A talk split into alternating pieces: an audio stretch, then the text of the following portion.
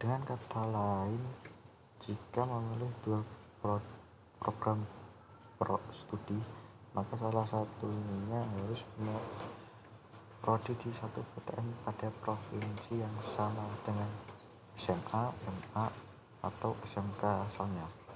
Namun, jika hanya memilih satu prodi studi, dapat memilih PTN yang berada di provinsi mana pun.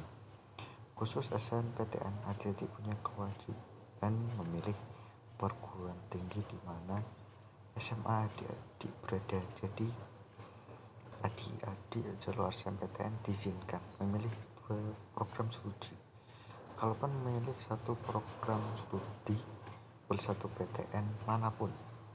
Kalau memilih dua program studi, maka salah satu PTN harus di daerah SMA sekolah berada.